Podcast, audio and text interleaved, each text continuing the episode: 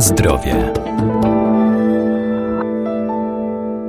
Produkty wysoko przetworzone przeważnie mają wysoką gęstość energetyczną. Ich nadmierne spożywanie powiązane jest z występowaniem chorób cywilizacyjnych i może prowadzić do otyłości. Dlatego należy ich unikać i wybierać żywność o obniżonej kaloryczności.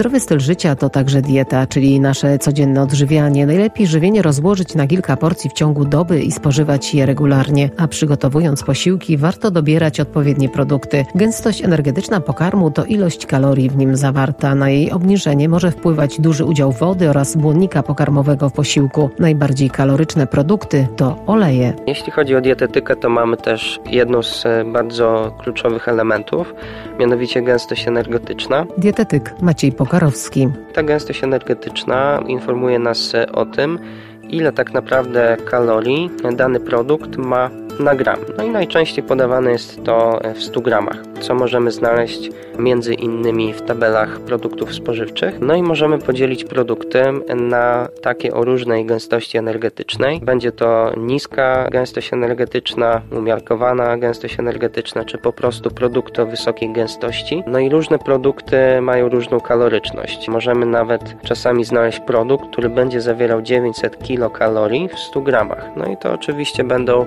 takie produkty jak po prostu oleje roślinne. Natomiast tak jak wiemy też nie jesteśmy w stanie ogromnej e, ilości olejów spożywać w ciągu dnia. Natomiast jest to produkt o wysokiej gęstości energetycznej, no i nie może być e, tego składnika w diecie zbyt wiele. Teraz może powiemy konkretnie o produktach, które będą zawierały niską gęstość energetyczną, czyli poniżej 60 kilokalorii na 100 gram. No i im więcej jest takich produktów w diecie, tym oczywiście lepiej, e, dlatego że zawierają one dodatkowo błonnik, który będzie utrzymywał uczucie sytości na dłużej. No i konkretnie mówimy tutaj oczywiście o owocach i warzywach. Również niektóre zupy, ale zupy niezabielane, będą miały taką niską gęstość energetyczną i niską kaloryczność. Wszelkiego rodzaju napoje, kawa, herbata, produkty typu light czy produkty po prostu niskotłuszczowe będą zawierały niską gęstość energetyczną. Na zdrowie.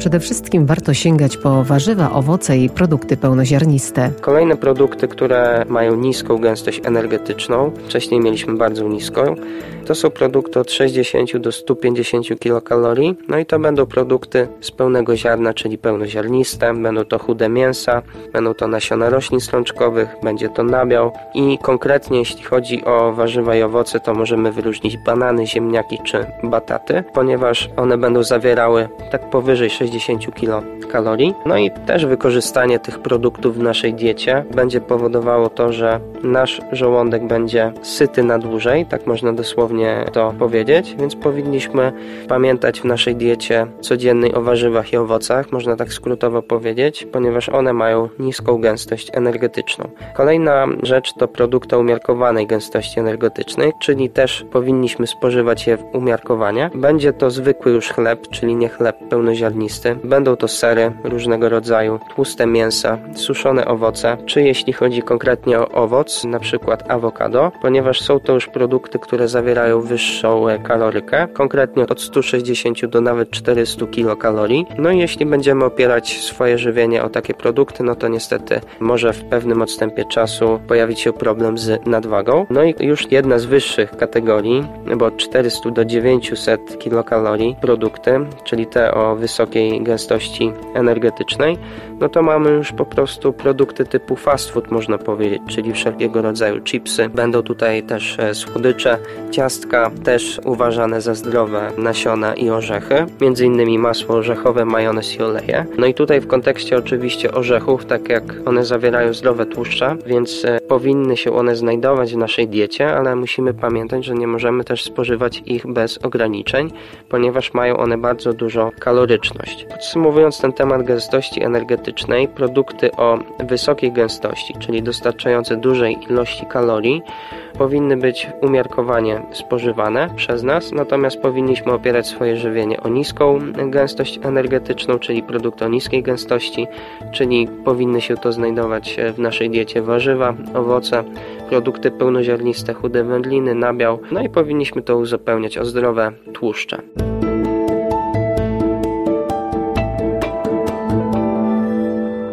Pamiętajmy też, że zdrowa dieta to nie tylko odpowiednie nawyki żywieniowe, ale także codzienny ruch i aktywność fizyczna, a jeżeli zdecydujemy się na zmianę stylu życia czy odchudzanie, to zawsze pierwsze kroki najlepiej skonsultować z dietetykiem bądź lekarzem.